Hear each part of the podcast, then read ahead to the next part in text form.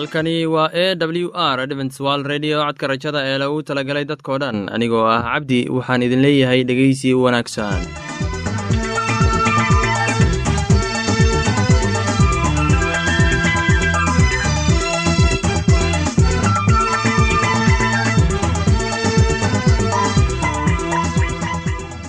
barnaamijyadeena maanta waa laba qaybood. Qaybta koowaad waxaad ku maqli doontaan barnaamijka caafimaadka kadib waxaa inoo raaci doonaa cashar inaga imid bugga nolosha. Barnaamijyadeena maanta si wanaagsan u dhegeysan doontaan haddii aad qabto wax su'aal ama tala. Iyo tusaale fadlan inala soo xiriir dib ayaynu kaga sheegi doonaa ciwaankayagu balse intaynan u guudagelin barnaamijyadeena xiisaa leh waxaad marka hore ku soo dhowaataan. Heestan daabacsan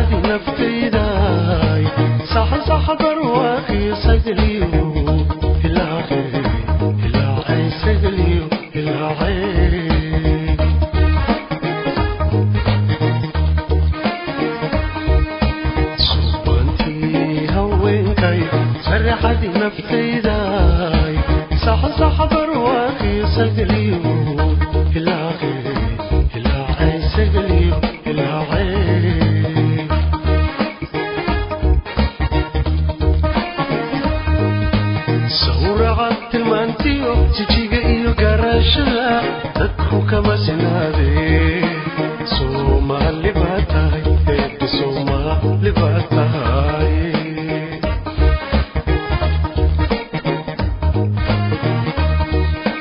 sawraca tilmaantiyo jijiga iyo garaashada dadku kama sinaade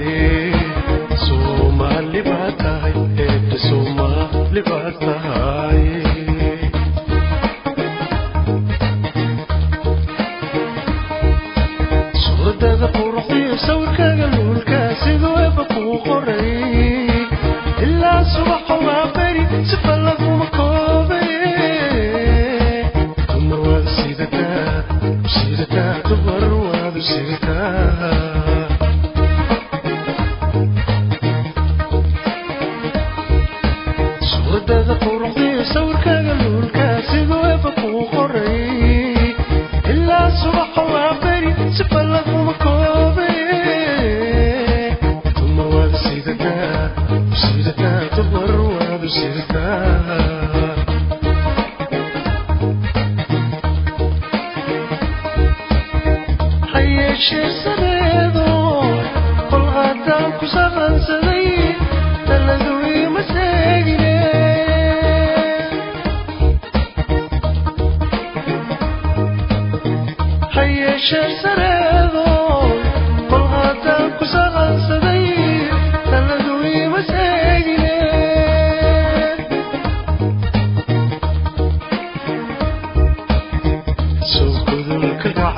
Oh.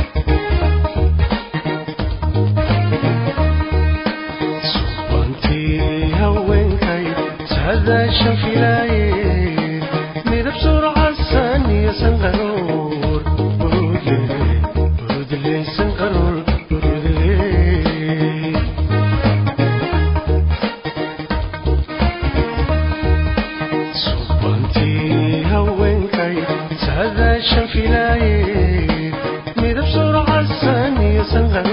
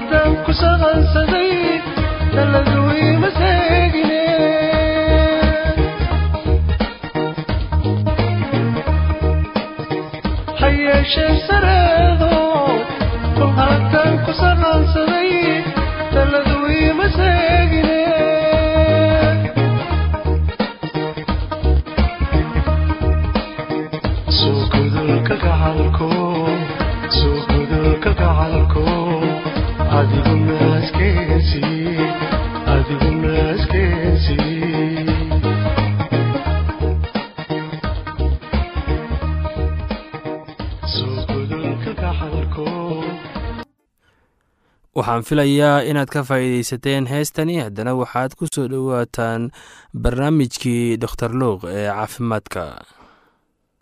Waa maxay? Doktor luuq wuxuu ka leeyahay wax ku saabsan kolestarolka tani wuxuu fuulay jaraanjarada shaqadiisa markii uu la filayey inuu bilaabo neeftiisa neefta markay ku dhacday gebiyo uu yeeshay xanuun xabadka ah sida labada oo kale wuxuu guud ahaan fuuli jiray jaraanjarooyinka had iyo jeer neef yari awadeed.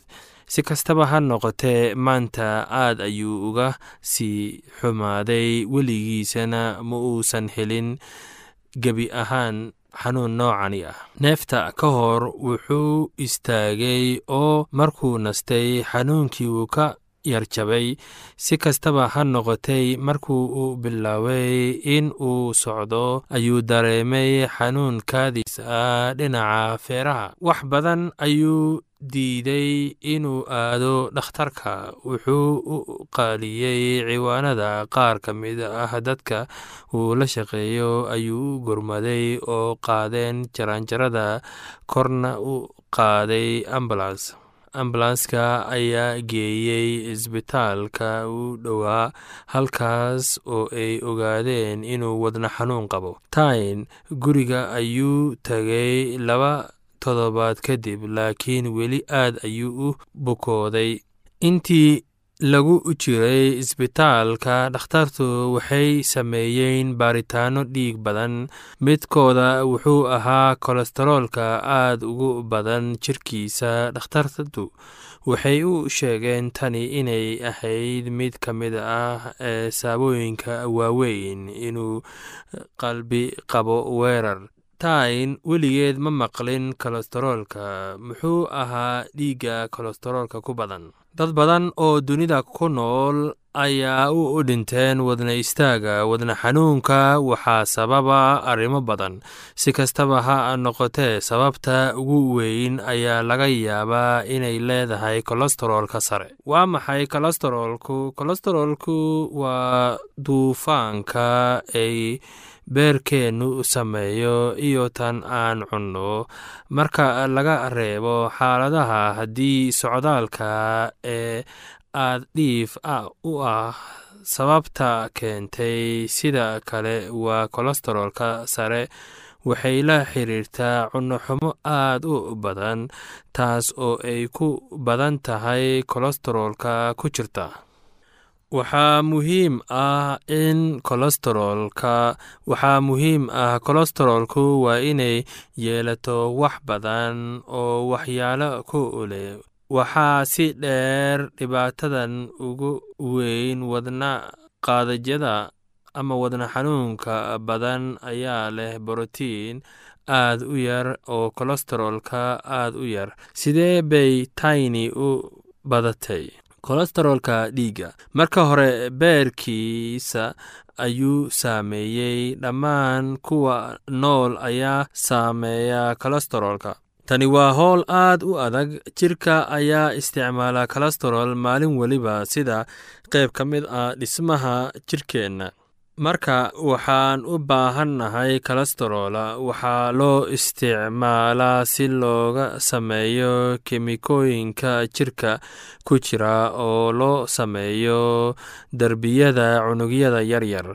Xaqiiqdii iyada oo aan jirin kolestaroolka jirkeenna ma ahaan lahayn. Derbiyada cunugyada sababtoo ah kolestaroolku waa shayga ugu weyn ee derbiyada qolka.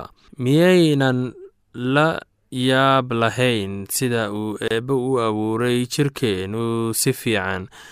In isagu abuuray nooc oo kale oo jilicsan inuu dheelitirin in wax aad u wanaagsan ay xumaan karaan. Taasi waa sida kolestaroolka loo arki karo kitaabka wuxuu leeyahay sida ayuu kaga hadlayaa. Marka la yidhaahdo adiga ayaan uumay abuurkayga waad iga duduubteen aniga hooyada uurka leh. Waan kugu mahadnaqayaa maxaa yeelay cabsi iyo yaab ayaa la iga sameeyey. Shuqulladaadu waa yaab badan yihiin. Aniga si fiican u ogow jirkayga kama qarsoonayn markii la igu sameeyey meeshan qarsoon. Marka waxaa lagu sharaxay moolka dhulka indhahaygu waxay arkeen jirkayga aan dhammaystirnayn maalmahan oo dhan.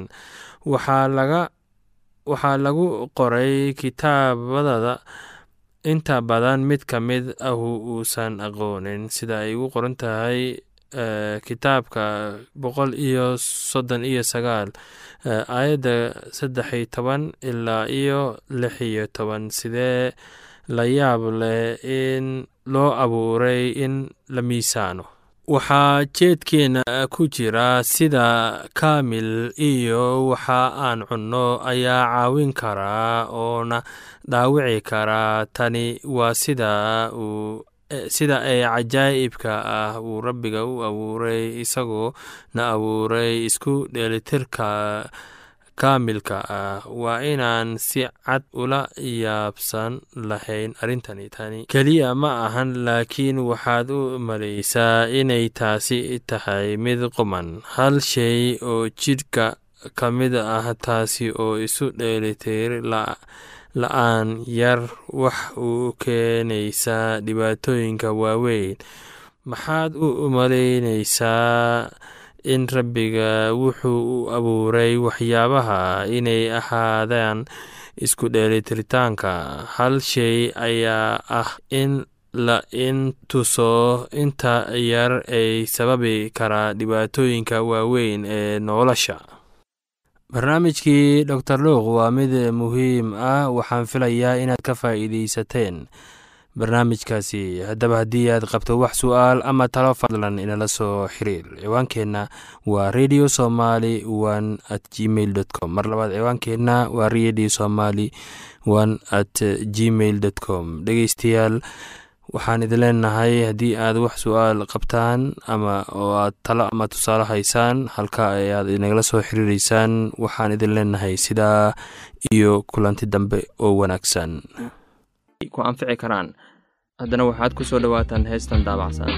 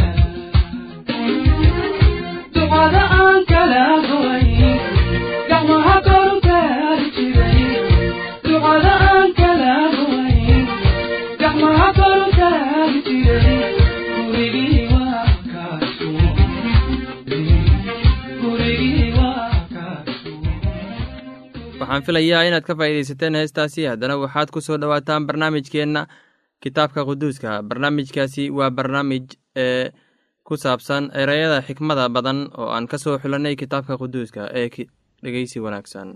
Sheem oo aabbo u ahaa carruurtii ceeber oo dhan oo ahaa yaafeed walaalkiisii weynaa. Isagana carruur buu carruur baa u dhalatay wiilashiisii sheemna waxay ahaayeen ceelaam iyo ashuur iyo arfakasad iyo luud iyo aaraam wiilashii aaraamna waxay ahaayeen cuus iyo xuul iyo geter iyo maash. Arfaksadna wuxuu dhalay saalax. Saalaxna wuxuu dhalay ceeber. Ceeberna waxaa u dhashay laba wiil.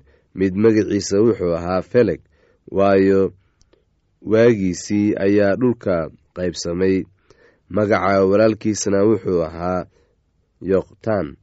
Yoqtaanna wuxuu dhalay almodaad iyo shelef iyo xaramwet iyo yera iyo hadoran iyo usaal iyo diqla iyo coobaal iyo abimael iyo sheba iyo ofer iyo xawila ee yoba kuwaasu kulli waxay ahaayeen wiilashii yokhtaan.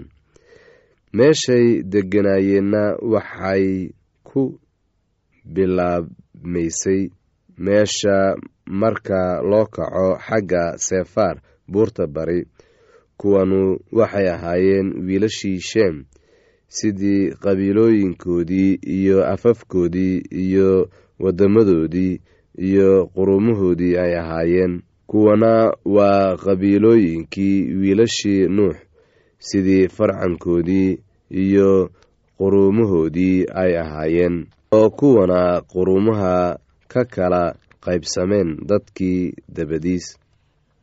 Dhulka oo dhammuna wuxuu ahaa isku af iyo isku hadal keliya waxaana dhacday markay xagga bari u sii socdaaleen inay waddankii shincaar meel bannaan ka heleen oo halkaas ay degeen oo waxay isku yidhaahdeen inakeena aynu lebel samayne oo aynu aad u dhuubne oo waxay dhagaxa meeshiisa u haysteen leben.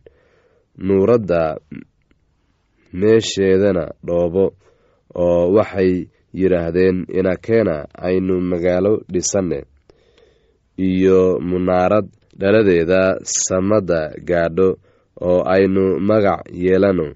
Waaba intaasoo aynu dhulka dushiisa oo dhan ku kala firirnaaye.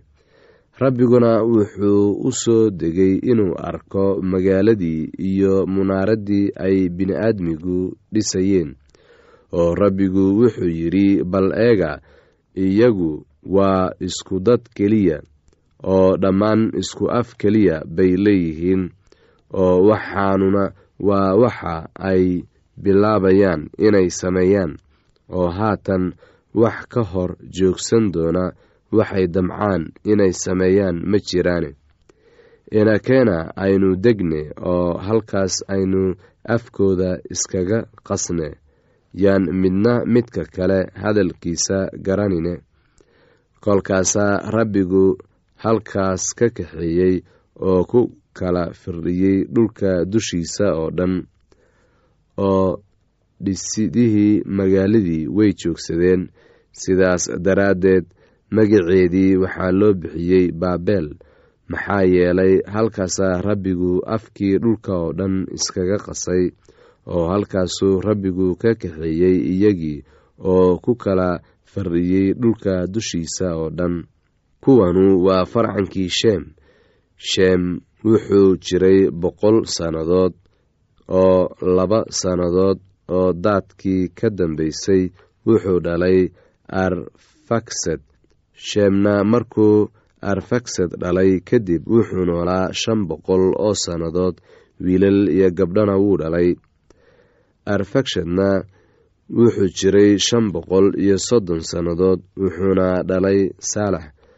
Arfaksadna markuu saalax dhalay kadib wuxuu noolaa afar boqol iyo saddex sannadood wiilal iyo gabdhana wuu dhalay.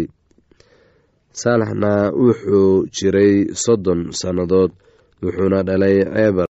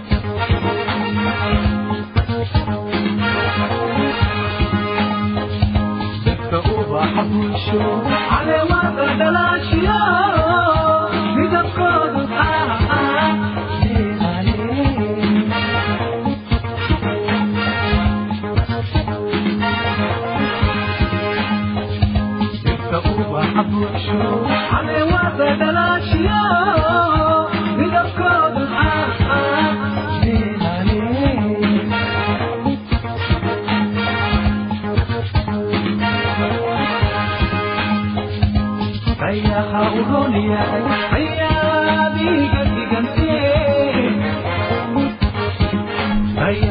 roonyahay ayaadii gardiganteed sidaan kuula dhacay kacalo sidaan kuula dhacay kacalo gadan jacaylko ka ilaami lilcaalam ka adko ka adko ka ilaami